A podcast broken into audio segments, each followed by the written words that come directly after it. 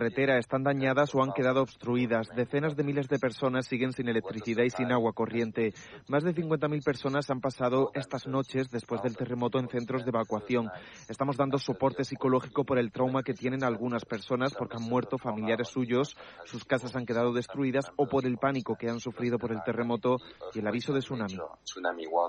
Terminamos con los deportes. Oscar Ejido, buenas tardes. Hola Laura, buenas tardes. Hoy se juegan cuatro partidos de primera y juegan los dos líderes. A las nueve y media Montilivia, el Girona recibe al De Madrid con la presencia de Bitzel en el centro del campo y no en defensa. Antes a las siete y media el Real Madrid recibe al Mallorca con Lunin en la portería porque Kepa está con gripe y con Chamení de central y además la tarde se completa con el Granada Cádiz a las cinco y el Celta Betis también a las siete y media. Los cuatro partidos desde las cinco de la tarde los contamos en el carrusel deportivo de la cadena Ser. Además el Granada ha hecho oficial el fichaje de Augusto Batalla como nuevo portero. Llega cedido por lo que queda de temporada por River y tiene la opción de compra a final de temporada. De fuera del fútbol, en la Euroliga se juega en el clásico entre Barça y Real Madrid a las 9 en el Palau y también se juega en el Valencia Efes y el Balconia Panathinaikos.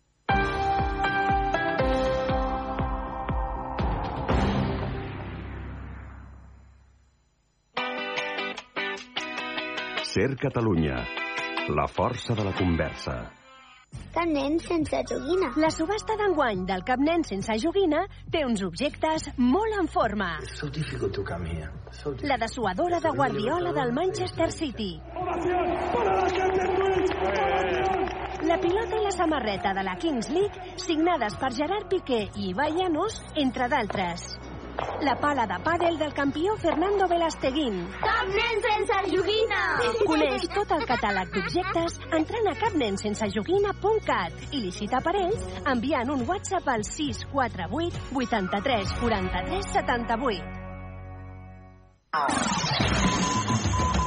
Al migdia, dues hores d'esports a Ser Catalunya.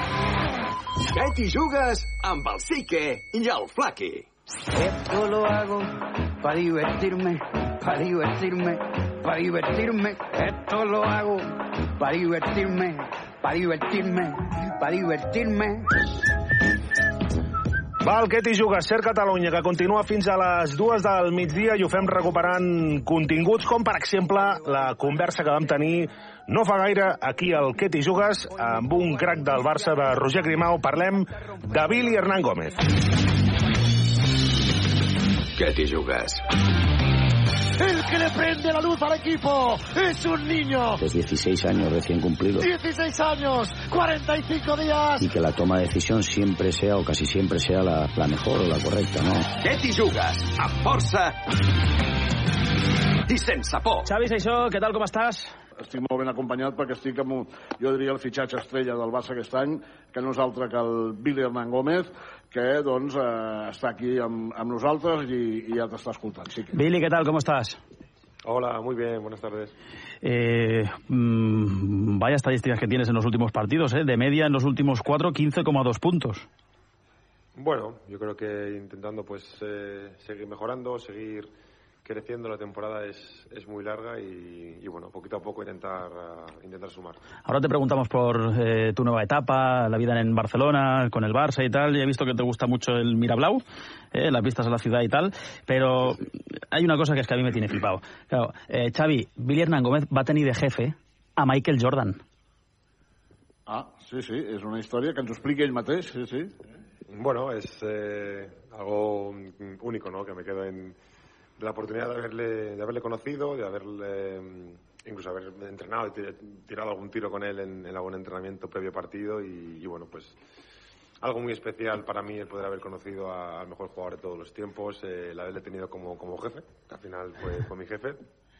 Y, bueno, un afortunado y algo, algo increíble, ¿no? Eh, un, una persona muy exigente que te exigía mucho Uh, como jugador eh, y que él siempre pues quería que sacases lo mejor, ¿no? Al final, como todos sabemos, es muy competitivo, pues él quería lo mismo también para, para sus jugadores y, y bueno, para, para mí fue algo inolvidable, no?, el poder haberle conocido. Va ser a la etapa de Billy Hernán Gómez a la NBA, eh, on va estar els Knicks, els Hornets, els New Orleans Pelicans. En los Hornets es donde tuviste de jefe a Michael Jordan eh, y has dicho que bajaba la pista eh, a tirar con vosotros. Sí, es verdad que mmm, algunos días eh, que teníamos el tiro por la mañana en la pista principal, él siempre venía y, y, obviamente, pues como le gusta tanto el baloncesto, no podía evitar la tentación de, tirar algunos tiros con nosotros, de hacer algún concurso de tiro con nosotros. Ah, incluso le ves que quería seguir compitiendo y que, y que aunque perdiese, que quería seguir jugando, seguir jugando hasta que, que ganase, ¿no? Y su ímpetu por ganar, su, su competitividad es algo que realmente te quedas impresionado cuando le ves en persona. Oye, cuéntanos lo que inventasteis con Carmelo Anthony y algunos compañeros más en los Knicks. Eso de la piscina con hielo y la sauna. Bueno, eh, sí, eso mm, fue algo que no, que no conocía ah, y que para mí era, era nuevo, ¿no? Y muchos días, eh, al ser rookie, tenías que llegar muy, muy, muy pronto para, para hacer individual, para hacer eh, físico individual, antes que, que con el equipo.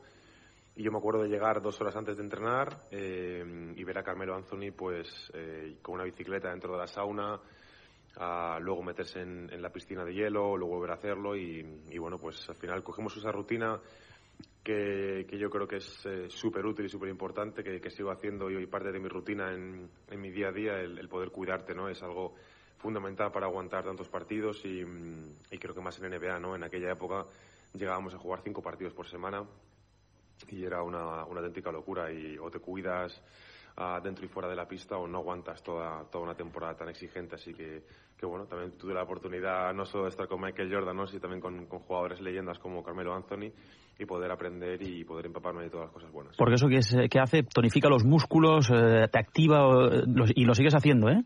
Yo lo sigo haciendo, sí, lo sigo haciendo las piscinas de hielo, las, las saunas, porque es algo que me ayuda, pues, uh, en mi recuperación, en, en, mi día a día, en poder eh, que mi cuerpo mejore, que se adapte y sobre todo que al final se recupere, ¿no? Aquí también jugamos muchos partidos, tenemos también viajes largos i lo importante és poder estar eh, preparado i disponible cada partit. Xavi, doncs estem amb un jugador eh, que ja, tot i que té 29 anys, és quasi llegenda del bàsquet d'aquest eh, país, ja ha guanyat amb la selecció espanyola diversos títols, eh, també va guanyar una Lliga i una Copa amb el, amb el Madrid, molts anys a la NBA i que ara és l'estrella del Barça. Doncs sí, ho és, ho és i és un referent per l'afició, per tothom i, i clar, pues a l'estiu quan eh, ens vam assabentar, no, el Barça fitxa a Billy Hernán Gómez, dius, ostres, carai, és un jugador, no podem eh, obviar-ho, que ha sortit de la, de la cantera de, del Real Madrid i, i jo crec que poder algú tindria dubtes de dir, home, com el rebaran al Palau? Perquè, clar, la rivalitat Barça-Madrid te has encontrado com, como en casa, ¿no? Hay que decirlo así. Mejor, mejor, mejor que en casa. Sí, yo...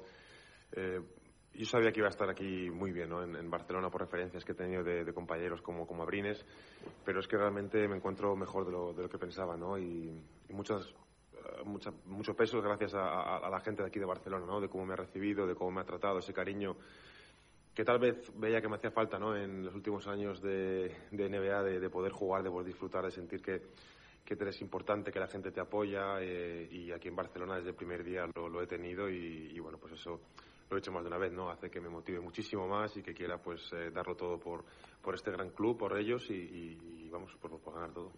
Hay que decir también, eh, Billy, que, que, tú dijiste en una ocasión que te sentías un poco un privilegiado y que, y que disfrutabas jugando al baloncesto y esa es un poco la imagen que tú transmites, es decir, lógicamente hay partidos duros, mucha defensa, jugadores rivales, pero tú transmites un sentido de privilegio, ¿no? De poder ayudar al equipo y al Barça en este caso. Bueno, más que mmm, privilegio, yo usaría la palabra afortunado en el aspecto de, de que, bueno, yo creo que es una mezcla de poder tener suerte, de poder eh, haber heredado en mi familia el, talento de un poquito de baloncesto, pero como cualquier otro trabajo, yo me lo he currado muchísimo, he trabajado mucho para poder estar donde, donde estoy hoy, pero soy un afortunado. Y para mí, el poder jugar a baloncesto, que es el deporte que amo, que es mi pasión, eh, es, es, una suerte, ¿no? Y levantarme cada mañana y decir que vengo aquí a la ciudad deportiva o, o al Palau o a jugar a baloncesto, a entrenar con mis amigos también, no solo con mis compañeros de equipo, es, es algo maravilloso, ¿no? Y me siento un afortunado y yo creo que el Palau se ve muy reflejado a veces en mí, ¿no? En, en ese jugador que lo da todo y sobre todo que disfruta y que es positivo. Claro, eh, ahora hablabas de tu familia, mm, no sé si habrá muchas donde dos hermanos, tres con tu hermana jueguen a básquet, a Juancho ya lo conocemos, luego te preguntamos por, por él, pero es que además tu padre y tu madre, los dos fueron jugadores de básquet, de hecho tu madre es leyenda del, del, del baloncesto. Eh, pese a ello, tengo entendido que tú empezaste a jugar a fútbol y no a básquet.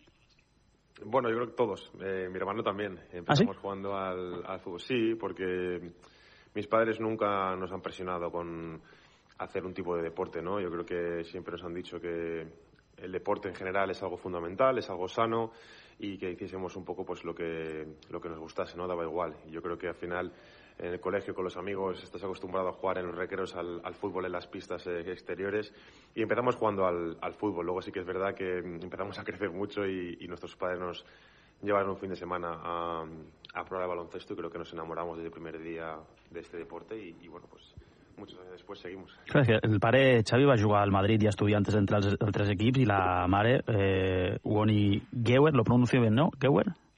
Heuer, sí. Heuer, Heuer eh, fue campeona de Europa con España en el 93.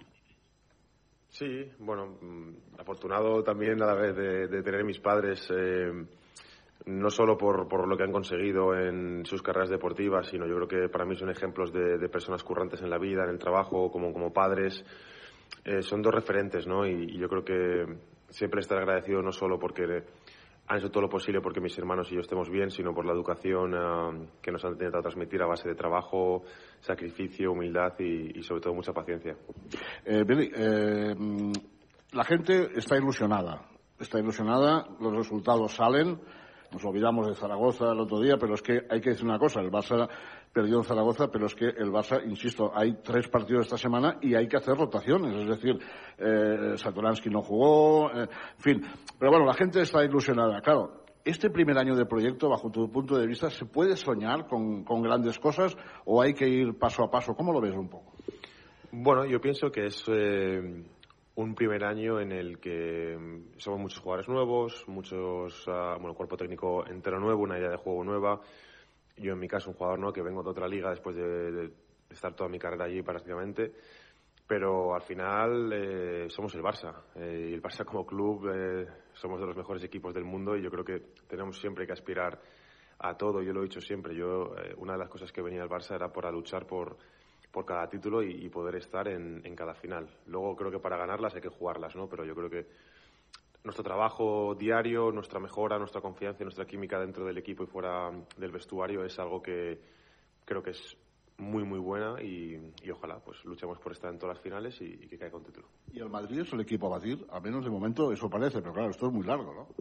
Bueno, eh, el Madrid, eh, pues el otro día también en Zaragoza, es que al final cada partido es, es, es, muy difícil, es muy complicado, ¿no? Es, es una final y, y, yo creo que hay que seguir centrados en, en, ir poco a poco, en ganar, en trabajar, en nosotros mismos. Creo que tenemos un margen de mejora y un potencial eh, espectacular y, y, confío mucho en, en, este equipo, en este proyecto, para que en los momentos que tenemos que estar eh, de finales y torneos estemos a, al 100% y, y el rival que sea batir seamos nosotros. ¿Te, ¿Te han machacado mucho en Madrid por haber fichado por el Barça?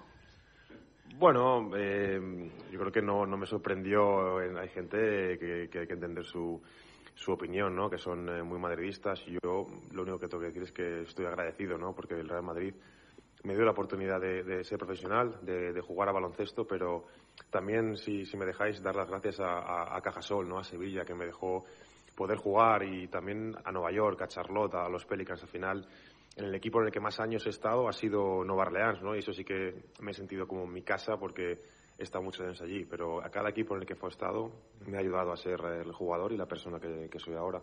Las críticas eh, se entienden, pero también entendí, ¿no? La gente que me apoyó y que tomó esta decisión, porque al final la gente que te apoya y que realmente te quiere sabe que, que es la mejor decisión para ti y te va a apoyar desde donde estés. ¿En New Orleans es donde pillaste en un partido NBA 17 rebotes? Fue ahí, ¿no? Mm. Sí, creo que 17. La manera es que no te acuerdas. Pillar sí, 17 rebotes en un partido de NBA, sí, hay que meter codos, hay que ponerle todo ahí, ¿eh? Codos, culo. Sí, no, el que sí, me acuerdo también que creo que cogí en Nueva York un par de veces 16 o así, entonces no sabía si era Nueva Orleans o. Pero, pero bueno, ojalá lo pueda superar aquí el Barça. Porque tú trabajas mucho el tiro exterior, te leí en una entrevista, pero lo que más te gusta es fajarte ahí debajo del aro. Sí, sí, a mí, eh, obviamente, pues quiero intentar llegar ¿no? a ser el mejor jugador posible en, eh, que pueda llegar a serlo con mucho trabajo, pero el que mejore el tiro, el que mejore el bote o, o, o, el pase no quiere decir que no vaya a dejar de hacer lo que, lo que me gusta y que es el, el pegarme, decirlo así, claro, ¿no? debajo de la canasta, el disfrutar. Creo que soy un, un pívot que intenta mejorar, pero le gusta más el baloncesto de pivots a, a, la antigua. ¿Y cuál es la peor roca contra la que has chocado? Bueno, ha habido muchas. ha habido muchas, eh, pero yo diría que mm, Steven Adams, eh, un jugador muy, muy fuerte, muy bueno. Jokic, Yanis, eh, bueno, Pau Gasol, Mar Gasol, ¿no? Al final he jugado con jugadores increíbles, ¿no? Dwight Howard, eh, no sé, todo me ha ayudado a, aprender i estar preparado para el momento. Eh, sí que deixem que li, li pregunti dues coses de la selecció. En primer lugar, el preolímpico, eh, que se jugará en Valencia. ¿Cómo lo ves? Ha tocado Bahamas, parece que puede ser por sus NBAs el equipo más fuerte. Está Polonia, está Finlandia, hay una primera fase con Líbano, Angola. ¿Cómo estaremos en los juegos o no?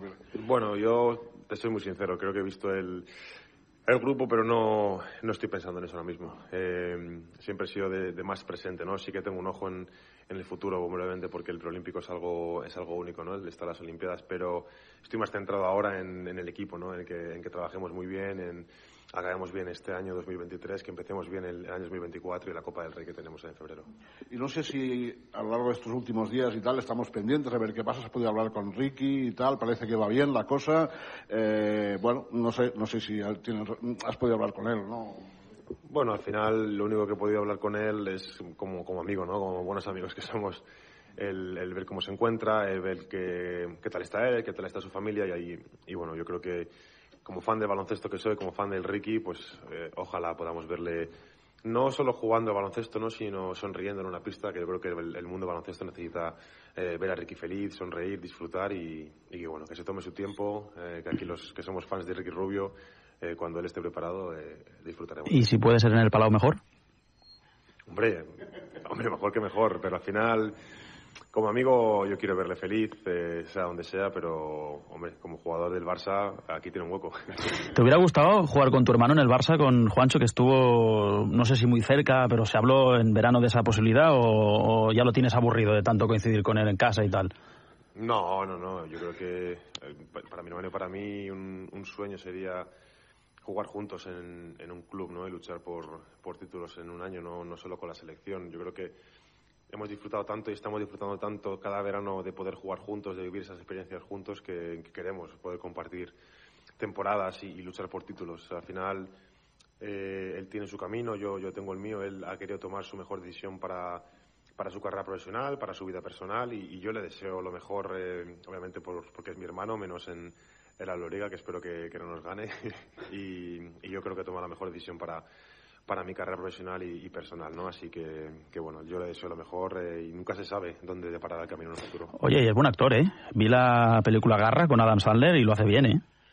Está muy bien, ¿eh? Yo creo que puede ser uno de los pocos ¿no? jugadores españoles que ahora sacar una película de Hollywood y, y, bueno, muy bien, muy contento porque fue una experiencia para él eh, diferente, única pero el trabajo de los años de grabación que, que ha hecho detrás en cada verano, el no tener descanso, fue muy sacrificado. Doncs si no l'heu vist, la recomano. Garra eh, una pel·lícula per als amants del bàsquet, però també de l'esport, de la vida, superació, i, i la veritat és que Juancho Hernán Gómez fa un bon paper, se defiende bien, teniendo en cuenta además que al lado está Adam Sandler, que es una de las estrellas de, de, de Hollywood.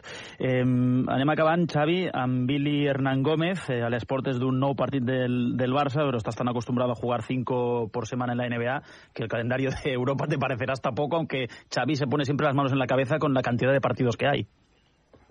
Bueno, es verdad que son, son muchos partidos. Eh, aquí se viaja diferente en, que en NBA, pero se viaja muy bien también, somos afortunados.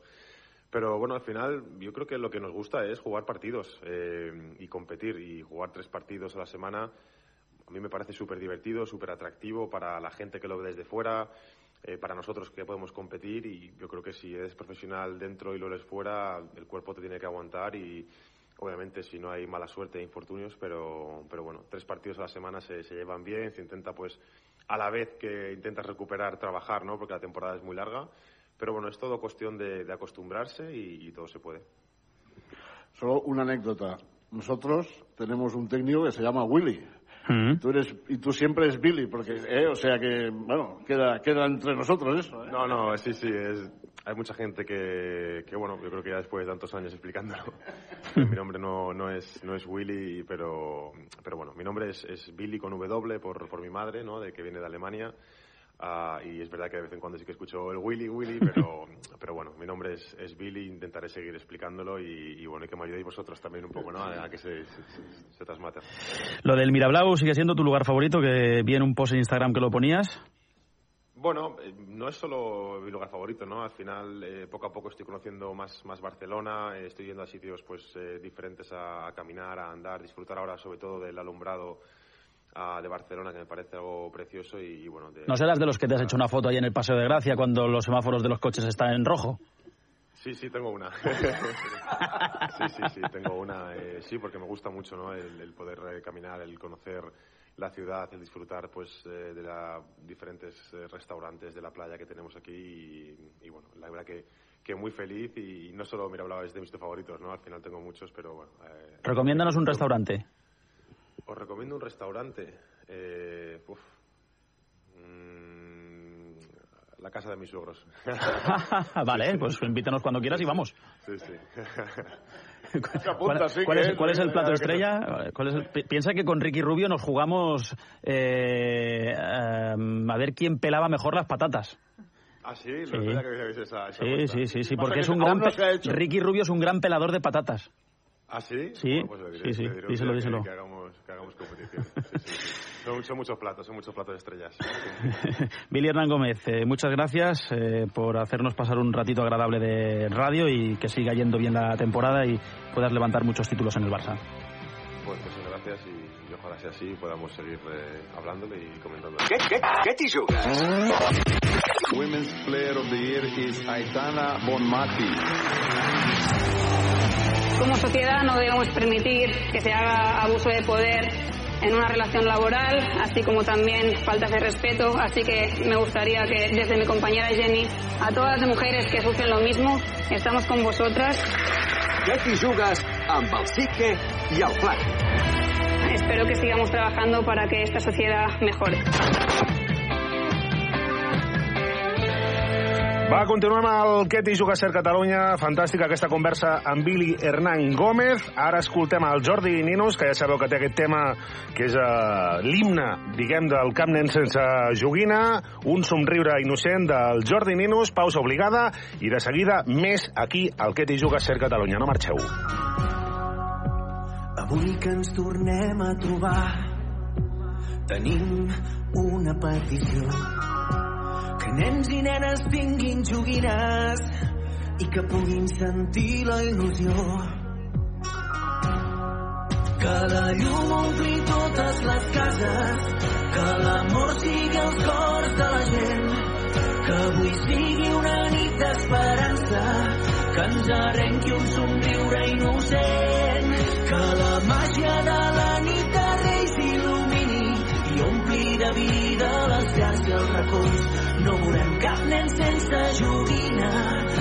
que sigui especial per tothom per tothom cap somni sense esperança un petit gest ple d'amor un món millor és possible si junts fem real un anel d'il·lusió. Ajuda'ns a fer realitat aquesta bonica missió. Tot el que es mereixen. I fem-ne junts una cançó. Que la llum ompli totes les cases, que l'amor sigui els cors de la gent, que avui sigui una nit d'esperança, que ens arrenqui un somriure innocent,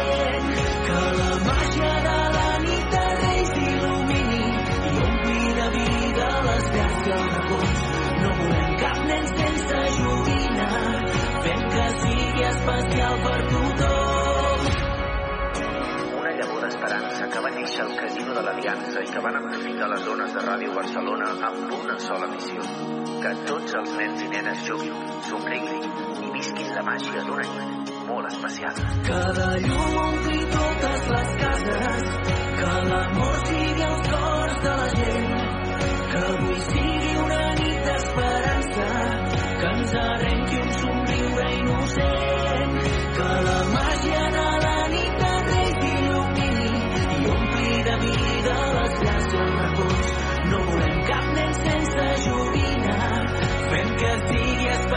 per tothom, per tothom.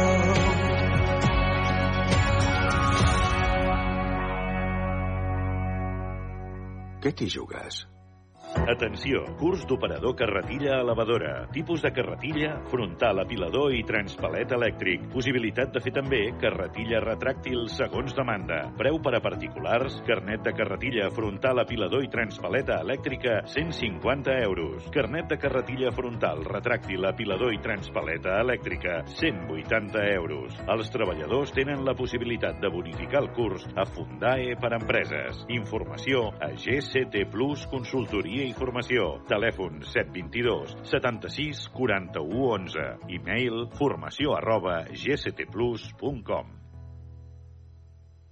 En Manu, el Minimans, Manis pels amics, no, ha contractat la llum a Factor Energia i no, No. s'estalvia un 12,5%. Manu, contracteu tots la llum. A factorenergia.cat i no farem més anuncis. Per fi hi ha un altre llum. Factor Energia. Empresa col·laboradora amb la Barcelona Equestrian Challenge.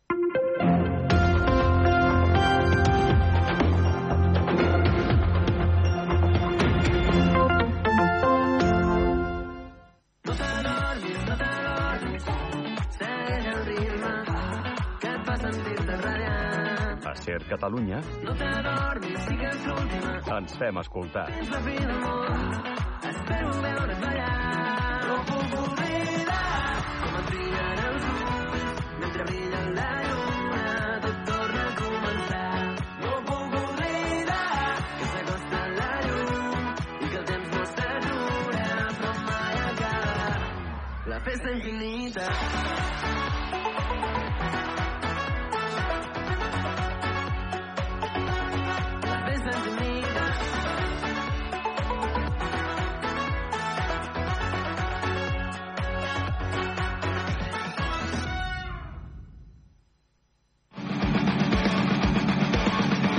t'hi jugues?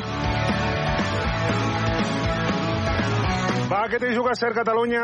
Eh, us en recordeu de la conversa amb l'expresident del Barça, Joan Gaspar, i totes les anècdotes espectaculars que va explicar? Doncs bé, contingut que recuperem per tu en aquest tram final del Què t'hi jugues d'avui. Què t'hi jugues? Un programa... Culer, culer, culer. Escolta'ns de dilluns a divendres, de 12 a 2, a Ser Catalunya. Culer, culer, culer, de llorar. Què t'hi jugues? Joan Gaspar ha complert. Ha complert Joan Gaspar i hem complert nosaltres. Joan, com estàs? Complert perquè m'heu invitat a dinar i a més m'he mirat de meravella. O sigui que jo estic, ara estic molt content i ara obsessionat eh, pel partit del, del diumenge amb el Girona. Obsessionat? Per què? Obsessionat primer perquè eh, ojalà guanyem, però jugarem contra un equip que està per sobre nostra. I obsessionat perquè eh, eh, els gironins estan a, a una hora del, de l'estadi de Montjuïc. Els socis del Barça, doncs, últimament, eh, no es troben còmodes amb aquest estadi i no voldria tornar a repetir la, la història eh, que ja hem viscut no? en el Camp Nou. I des del respecte i admiració que tinc pel Girona, que la tinc, jo demano als socis del Barça que el diumenge demostrem que som més que un club. I, ojo, demà o demà passat com a màxim, socis del Barça, traieu localitat, aneu al futbol, els que sou socis, els que esteu abonats si no heu tret l'entrada, i omplim el camp. I el Girona que tingui les entrades que li corresponen per llei. Però no tornem a caure amb el error de que l'estadi Lluís Companys el diumenge sigui més gent del Girona que el nostre, perquè els gironins tindran molta facilitat. I a més una altra cosa, porteu la bandera del Barça. No cal que porteu la bandera catalana, perquè juguem contra un equip català. Per tant, el diumenge no tenim que demostrar el que som, un club català, perquè ells també ho són, un club català. I en canvi, nosaltres, amb la nostra samarreta, amb la nostra bandera, del Barça. I ells, amb la samarreta i la bandera del Girona. Hem de eh, recordar als oients eh, que el dinar el, el fem o l'hem fet, perquè ara estem a la sobretaula gravant aquesta conversa, perquè eh, Joan Gaspar ens va dir fa uns dies que mm, s'havia de parlar més del, del cas de Di Stefano. Aviam, nosaltres tenim aquí una carta, no sé si eh, vols dir alguna cosa de Di Stefano o, o la carta aquesta eh, la podem publicar, perquè hi ha aquí una carta que publicarem, que t'han fet arribar, o no, no, sé, no sé bé, perquè ens vas dir, us donaré uns papers. Has vingut, ens has donat uns papers, eh, és una carta explicant el cas Di Stefano. Però no sé si vols dir alguna cosa a la ràdio o, o, o que els oients que vulguin llegeixin la carta o, o què vols. Això me l'han donat, per tant no l'he fet jo. Però el que sí que us tinc que dir que si la voleu publicar, podeu fer com a faltaria més, us l'he donat, però no l'he fet jo. Però el titular sí que m'agradaria que em donéssiu el gust de posar el que jo crec que teniu que posar d'aquesta carta. Que. El titular que tinc aquí és Parlem d'ètica. Pues ja està, pues aquest és el que a mi m'agrada més perquè eh, precisament l'estimat Real Madrid, estimat entre cometes, eh, presumeix molt que el Barça, ètica, no sé què, i el Barça, i no sé què, i ha fet, i ha deixat de fer, pues, com a l'ètica no té prescripció, no té prescripció. Així com les il·legalitats que no han comès, però és igual, aquestes sí que tenen prescripció, l'ètica no. I aquí us expliquen aquesta carta que jo sí que he llegit i que m'ha fet arribar un bon amic meu pues, la història real de eh, el tema di Stefano. I per tant, si llegiu bé la carta aquesta... Bueno, la història, el titular vindria a ser que el Madrid li va robar a Stefano al Barça, no entenc, que això ja ho sabem tots. Sí, però quan tu robes, tens que anar amb pistola, o sense pistola, o un ganivet, perquè si no, no t'obren la caixa, eh? I, jo, I jo crec que s'ha repetit moltes vegades que el, ens van robar el Di Stefano, perquè la carta aquesta, que jo l'he llegit amb calma i que me fa arribar un amic meu, eh, és claríssim que ens el van robar, doncs que aquí en aquesta carta explica com ens el van robar. I llavors, com ho explica, vosaltres ho podeu, eh, ojalà, explicar, si voleu, i ojalà la podeu fer que algú les publiqui eh, 100%, doncs... No, no, aviam, jo em vaig comprometre al dinar i jo em comprometo a publicar la carta, per tant, la carta es publicarà. Llavors, a partir d'aquí, la gent interpretarà, que és el que a mi m'agrada, que la gent interpreti eh, el que va fer eh, aquell Madrid, eh, i el que va ser el, aquell Madrid, gràcies al Di Stefano, i el que hagués sigut el Madrid sense el Di Stefano, i com el Madrid ens va treure el Di Stefano, ja que estem ara parlant molt de l'ètica, i de l'ètica, i de l'ètica, bueno, que jo eh, ja he dit que accepto que moltes coses eh, l'ètica té interpretació. El que no té interpretació és les il·legalitats. La il·legalitat no té interpretació. O comets un, un acte il·legal o no. En el cas del Barça no l'ha comès mai a la seva vida, un cos il·legal. I ara vull que la gent interpreti, que interpreti. El que passa que aquesta carta, eh, qui l'entendrà perfectament, serà el Senat del Barça, serà els socis de la meva edat. No? Solament la gent jove haurà sentit molt parlar, però no, entrarà, no haurà entrat mai en, en com van atracar perquè el Di Stefano es quedés al Madrid. I en aquesta carta, que m'ha fet arribar un bon amic meu, explica exactament què va passar perquè el Di Stefano no vingués al Barça. I jo faig una pregunta històrica, estic d'acord, eh? però bueno, ja que estem parlant d'ètica, doncs també la història es pot parlar. Que hagués passat un Barça amb Koala i amb Di Stefano i que hagués passat Madrid sense el Di Stefano. Si tothom arriba a la conclusió que el Madrid sense Di Stefano no hagués sigut el Madrid que va ser, que ens tornin les Copes d'Europa que van guanyar, que ens tornin les lligues que van guanyar amb el Di Stefano, i així tots estem en paus. Ja sé que això ja està més que prescrit, eh? i per tant ja és història tal. Però la història de tant en tant, ja que estem parlant del present, eh, l'ètica és de present, de passat i de futur. Així com les coses eh, il·legals poden prescriure's amb els anys, l'ètica no prescriu mai. I per tant, aquesta no és de futur, no és de present, és de passat. Però déu nhi quin passat, eh? No, no tinc intenció ara de convertir la xerrada en un eh, pregunta-resposta del cas Negreira, perquè ja n'hem parlat, a més amb, amb, amb tu a l'antena la, de la SER també, però quan parles d'ètica et noto dolgut perquè el Madrid ha apel·lat a l'ètica en aquest eh, cas, eh, quan tu creus que històricament el Madrid el que ha de fer és callar. És això, eh? No, a veure, jo eh, ja ho he dit i ho repeteixo una vegada més, eh? No, crec en la justícia. Crec en la justícia. 100% crec que el jutge analitzarà si és el cas i prendrà la seva decisió. I crec que eh, la decisió que, que jo espero i desitjo que sigui la, la que la zona no comés cap il·legalitat, perquè jo puc assegurar que no va cometre cap il·legalitat amb aquest tema. Però com ha hagut clubs, uns més, altres menys, que han posat en dubte i alguns inclús han arribat a no anar a la llotja perquè sentir-se ofesos, eh, etc etc pues, eh, el Madrid eh, i el seu president en algun moment alguna declaració ha fet sobre eh, aquest tema. I com el nostre president ha parlat de eh, el que és la problemàtica sociològica del Madrid, pues aquí tinc una prova, o aquí teniu una prova de que això no és d'ahir, ni d'abans d'ahir, sinó que és de fa molts anys, quasi, quasi des de la fundació d'uns i dels altres.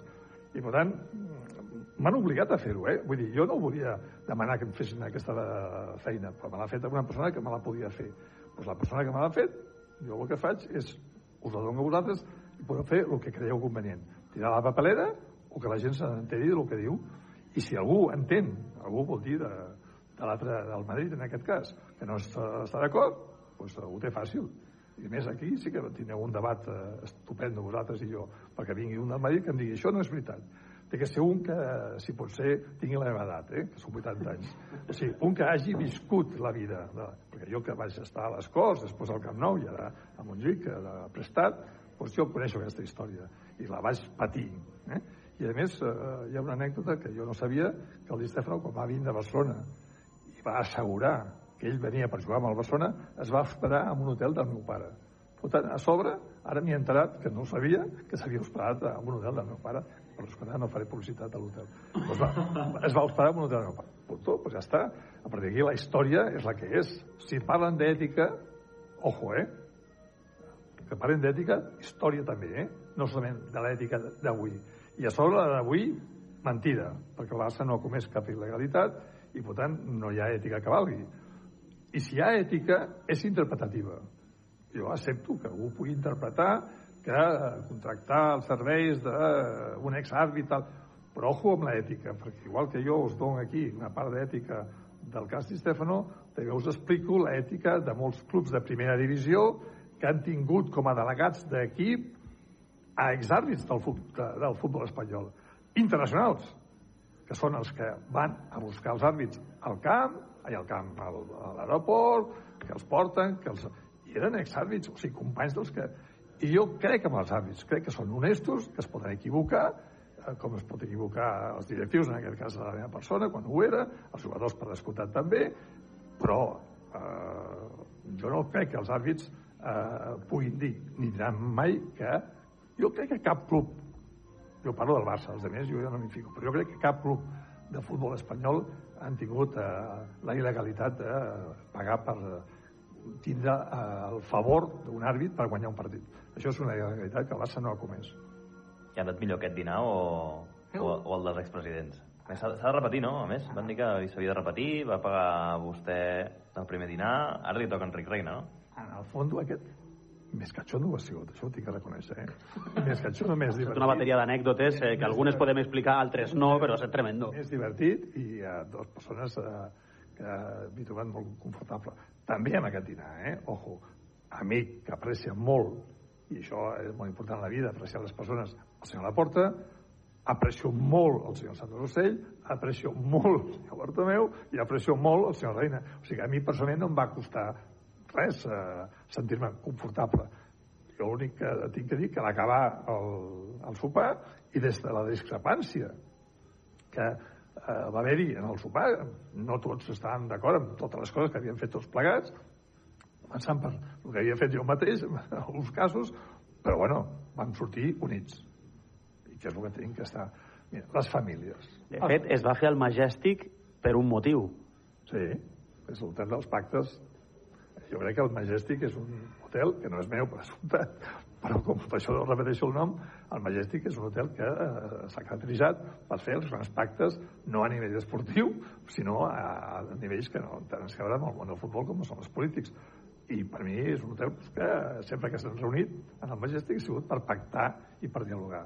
I en aquest cas és el que va passar. Però torno a repetir que eh, els eh, presidents que van estar presents, bueno, tots els vius, eh, no van estar tots d'acord amb tot, però és que la discrepància és el que té que ser. I el que sí que puc assegurar és que les famílies es destrossen per diners i quan la família no està unida. Mentre la família està unida, no es destrossa mai una família. Mai, ni per diners. Uh, en política, els partits polítics es destrossen quan es barallen entre ells. I sobretot quan el partit es destrossa ell mateix. I en aquest cas el futbol igual. El Barça, el dia que els socis del Barça, els amos del Barça, entre ells ens discutim i no ens sentim units, sense voler dir que no puguem discrepar, sense discutir que no puguem estar en desacord amb moltes coses de les que es puguin fer. inclús amb els presidents que hi puguin haver-hi, o en aquest cas amb el senyor Laporta, però estiguem units, desitjant, i com diu el nostre himne, pues, eh, tots units, el Barça passarà malament. Jo estic segur que si seguim units, guanyarem o no guanyarem, això és un altre tema, que ja entra en nostres mans, eh, entra en les mans de, eh, dels jugadors, però units. Si guanyem, millor, més contents i millor, però sempre units. I en aquest sentit, doncs, eh, en aquest sopar, el que sí que jo vaig veure és que hi han cinc persones, eh, quatre, jo no vull posar, eh, que estimen molt el Barça i que, per tant, per sobre de les diferències que puguin tindre, eh, per sobretot estimen el club i volen que aquesta unitat es vegi també eh, amb aquest sopar, no? Hi ha una discrepància, que a més l'estem obrint, és un meló que hem obert als debats de, del que t'hi jugues, que és la societat anònima, o vendre una part del club, o aquestes històries, no? Um, en el dinar, a mi m'ha semblat entendre que no li agradaria gens. De fet, ni obrir, ni obrir el debat li agradaria gens. No, no, no, en el dinar suposo que es pot dir, has a, arribat a, a afirmar que mentre tu estiguis viu, el Barça no serà societat anònima, que abans t'hauran de matar. Bueno, eh, això espero que no doni vistes a ningú, però, però, però, però eh, a veure, el que sí que tinc a dir sobre aquest tema, eh, sense dir noms, però eh, els que ho han dit eh, eh, se sentiran, eh, lògicament, eh, eh, vinculats amb el que jo vaig a dir ara, el que està dient que el Barça es transformarà en una SA és perquè és el que desitja. Si no estàs dient tot el dia que el Barça acabarà sent una SA, que el Barça acabarà sent una SA, que el Barça acabarà sent una SA, si no desitges que un dia acabi el Barça sent una SA. I per tant, jo m'agradaria molt que aquells que ho diuen que recapacitin i pensin que la massa social, els amos del Barça, que són 150.000 o més eh, persones, no volen que el Barça sigui una SA mai a la vida. I faran lo impossible. I per tant, per més que hi hagin uns quants que estiguin tot el dia dient que això acabarà sent una SA, això no acabarà sent una SA, perquè els socis no ho permetran. I he dit no els socis, els amos del Barça no ho permetran. I no em val el que també diu que venem un 30%, pagaríem tota la deuta. Mentida. Si venem un 30%, venem el club.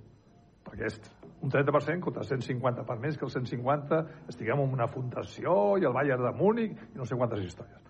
El Barça no es té que vendre, té que ser en parts iguales entre 150, que es toqui cadascú un 0,000%, bueno, per cent no, un 0,0 o alguna cosa, perquè ara té que haver una xifra al final, i això és el que es mantindrà. I estic molt tranquil, perquè el president Laporta a mi m'ha assegurat, a mi i a l'Assemblea de Compromissaris, que mentre que ell sigui president, eh, el Barça no serà mai una SA. Jo em crec amb el senyor Laporta, i per tant, com el crec, estic tranquil de moment. I en el futur, eh, quan hi hagi eleccions, si jo encara estic viu, jo eh, demanaré als candidats que es presentin un dia, quan el senyor Laporta decideixi deixar el Barça, que eh, firmin davant de notari el senyor Laporta no vaig fer-ho perquè no venia el cas, no havia aquest perill que ara sembla que... Però no, no, no, que firmin davant de notari que mentre que ell sigui president el Barça no serà un SA. El que no firmi això, que sàpigui que els socis no el votaran. Que ho sàpiguin. Emetem aquesta conversa al que t'hi jugues bàsicament perquè consti en acte que hem fet el dinar, que ens vam comprometre fa unes setmanes, eh, que hem parlat del cas Di Stefano, que tenim aquí una carta que publicarem a la nostra pàgina web. Íntegra, són quatre pàgines, íntegra, aquesta carta que porta per títol Parlem d'ètica i que en aquest dinar s'han explicat, sobretot tu, moltes anècdotes eh, relacionades amb fitxatges del Barça, traspassos, renovacions, ha estat una bateria inabarcable.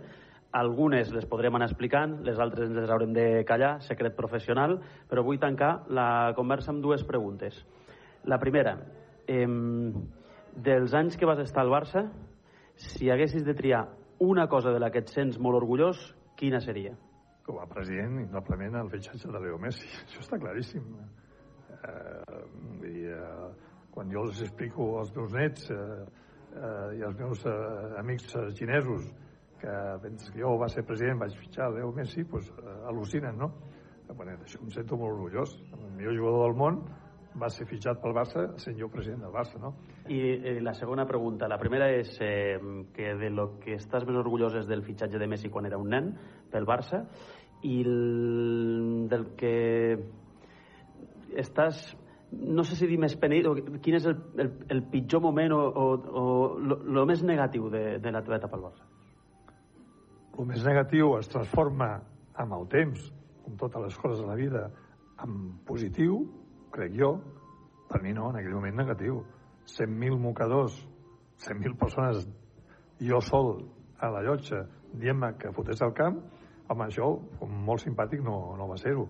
Però amb el temps, amb el temps, molts socis del Barça que, que em veuen i que dubtaven si allò era un acte de xuleria, quedant amb la llotja i no moure'n d'allà, em diuen que no, que va ser un signe de, de responsabilitat. El president té que pagar les conseqüències dels mals resultats i jo aquell dia ho vaig passar molt malament, molt malament. Amb el temps, amb el temps, i amb aquests comentaris que fan molts socis del Barça, doncs jo penso que, bueno, que vaig fer el que tenia que fer. El president és el responsable. És veritat que guardes la foto d'aquell dia? Guardo tres fotos eh, en, enquadrades, emmarcades, una més que una altra. Una és la dels mocadors, per, per quina raó? Perquè quan jo entro al meu despatx i veig aquesta foto, emmarcada, em dono compte que, aunque és president del Barça, no ets Déu, eh? Que és un cert que t'equivoques i que, tant, la gent té tot el dret a protestar. I després al costat hi ha dos quadres més, que jo els estic marcats, sobretot un, que és el, la carta que em va enviar al Madrid declarant-me non grato. Això jo ho tinc marcat. I quan el Florentino Pérez alguna vegada s'ha entrat i ho sap i tal, em diu que sóc un cabron de que jo em marqui la carta en la que el Real Madrid em declara non grato per una frase que vaig uh, dir i que vaig repetir de dir-la, però que la vaig dir i que per culpa d'aquesta frase em va declarar non grato. I després tinc una altra, que és també l'espanyol, que també em va declarar non grato. Clar, per un culer com jo, que vaig néixer com a culer, que després us explicaré, però això ja fora de, de context, perquè si no els oients se cansaran de sentir anècdotes, eh, que és un culer, però des del primer dia que va néixer fins al dia d'avui encara. El Madrid i l'Espanyol, home, el Madrid tinc de reconèixer que li tinc molta més mania que no l'Espanyol. L'Espanyol no li tinc cap mania, de veritat. És un club que no he anat mai al camp de Cornellà, més que una vegada, el dia que va morir eh, un jugador de l'Espanyol, el Dani Jarque. Jo vaig anar al camp de l'Espanyol, em van rebre amb molt de respecte, vaig eh, depositar unes flors i me'n vaig tornar a anar. Per què? Perquè jo separo el que és la part sentimental d'un club com és eh, l'Espanyol de casa.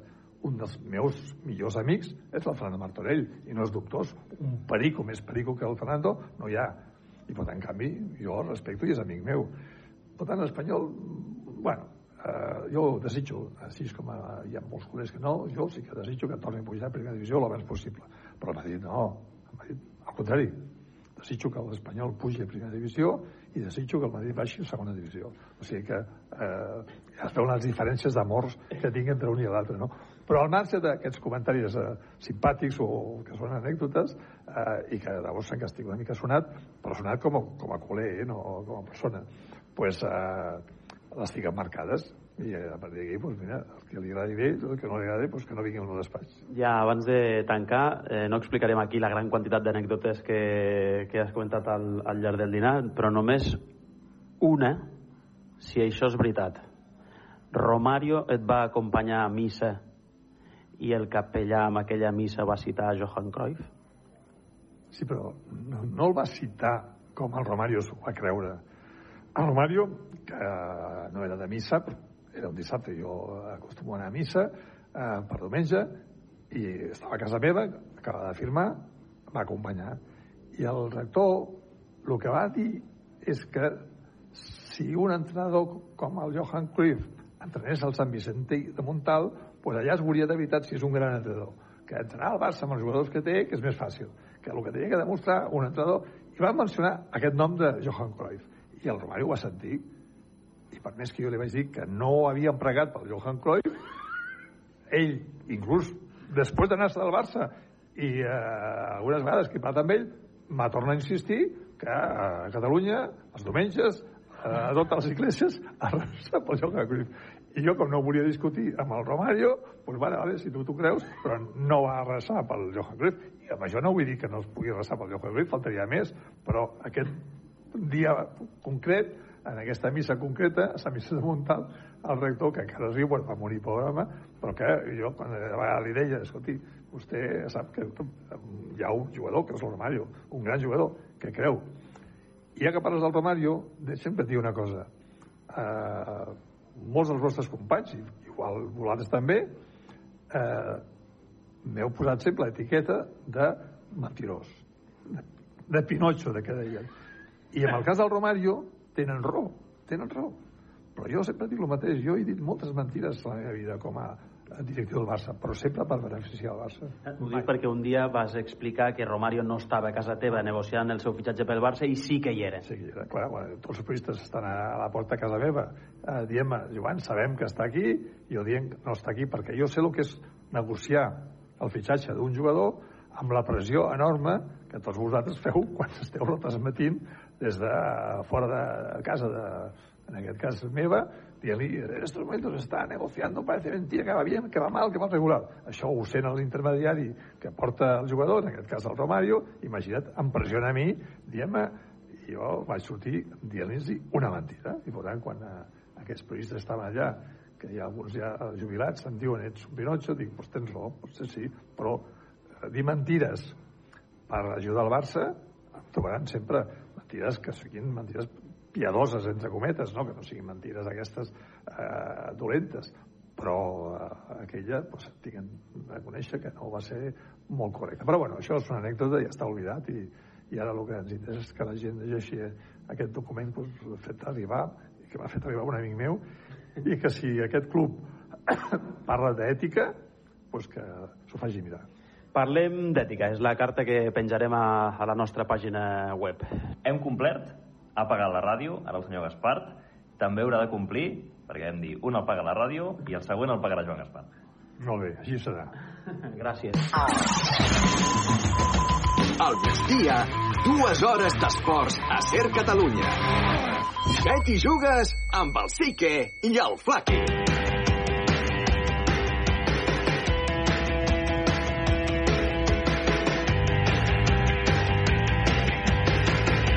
Bé, doncs l'entrevista amb Joan Gaspar. Recordeu que aquest i tots els continguts eh, de Ser Catalunya els podeu recuperar a la nostra pàgina web. I bé, fins aquí el programa d'avui. Gràcies per acompanyar-nos. Demà, ja sabeu que encara que sigui festiu, aquí al Què t'hi jugues, a partir de les 12 tenim una cita. Va, que vagi molt bé, que tingueu bon dia, bones festes. Adeu.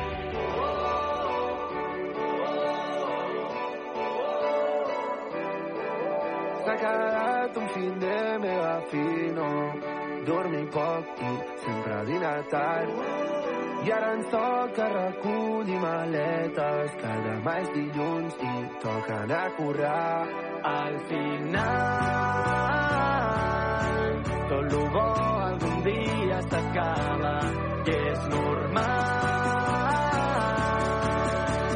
Quan s'està ponent el sol, pujo el cotxe i tornem a casa, a casa, a casa, al lloc on està mai com a casa, a casa, a casa, al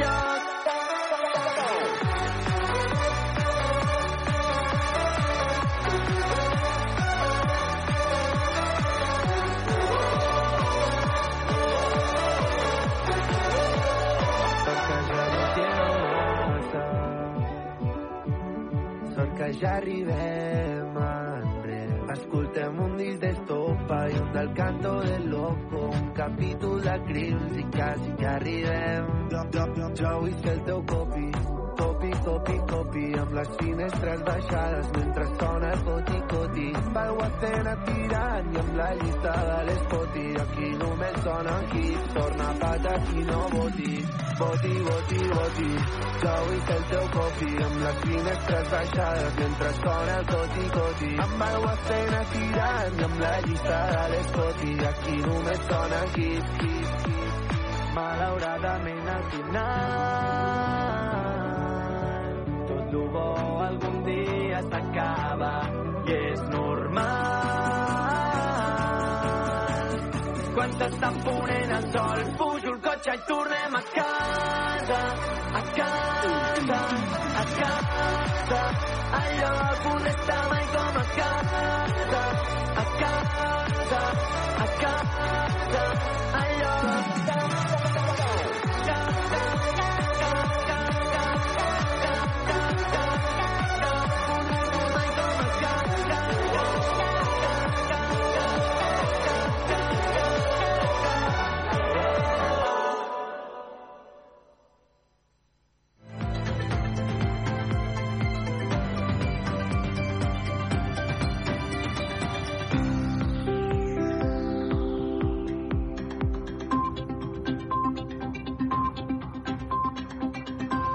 las 2, la una en Canarias. Hora 14, en la SER. Lo que pasa, lo que importa. Con Javier Casal. ¿Qué tal? Buenas tardes. Al menos dos explosiones en un cementerio.